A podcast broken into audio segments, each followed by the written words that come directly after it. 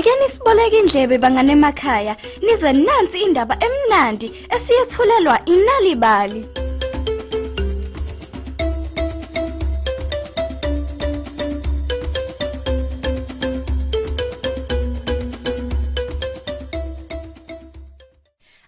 Asinibingelele nonke emakhaya. Sinamukele futhi kolunye uhlelo lweNalibali. Sesikhona nenye indatshana yethu namhlanje. Igama ngingusane Ntuli, uwantu abantwana.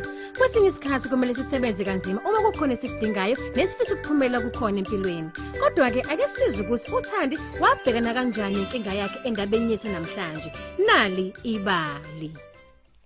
Oh, izicathulo zami engizithandayo zihlephukile. Awubandla, wazibuka izicathulo zakhe ephatheke kabi. Ngiyazi ukuthi ugogo akanayo imali eyanele yokuthenga izicathulo ezintsha. Ziyabiza. Ugogo wakhe ke wabuza wathi, Thandi, ziningi izindlela zokwenza imali. Singadayisa izinkukhu kanye nezithelo.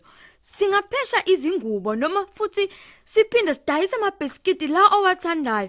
Ngakho ungakhathazeki, sizokwenza lokho. "He, kwakunaba ugogo, hawu nebala baqala ngokuthenga izinkukhu kwayezifuyile." Awu, ngizokwenzani izinkukhu ezingaka? Sizostayisa ezinye sizozikhulisa khona sizochamisela amaqanda. Kuphendula uThandi ngendlela ezinomsindo ngayo izinkukhu zazihamba zibanga umsindo yonke indlela lena. Ngiyathemba ukuthi ugogo uzongivumela ukuthi ngizigcine ezinye. Nakanjani msekulu wami? Ngizokuvumela ukuba uzigcine ezinye izinkukhu. Kumemeza uThandi ngokukhulu ukujabula lokhu. Namhlanje lwamanqama sizodayisa ezinye izinkukhu. Kodwa sengiyazwela nje gogo. Mm, kusho uThandi bandla ezizwela izinkukhu nebala baye emakethe nezinkukhu zabo.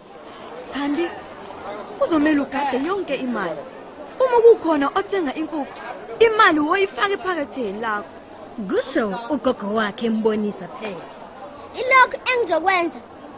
Ngiyaluzwa uhlozo luthi keqe keqe ephaketheni lami. Ngosuku olulandelayo uThandi wezwa ugogo ememeza ngaphesheya. Hayibo, hayibo, lezo zinkukhu ziqonda isipinashi. Thandi, woza sizothatha nasi izithelo. Phela kumele sidayisele unombulelo.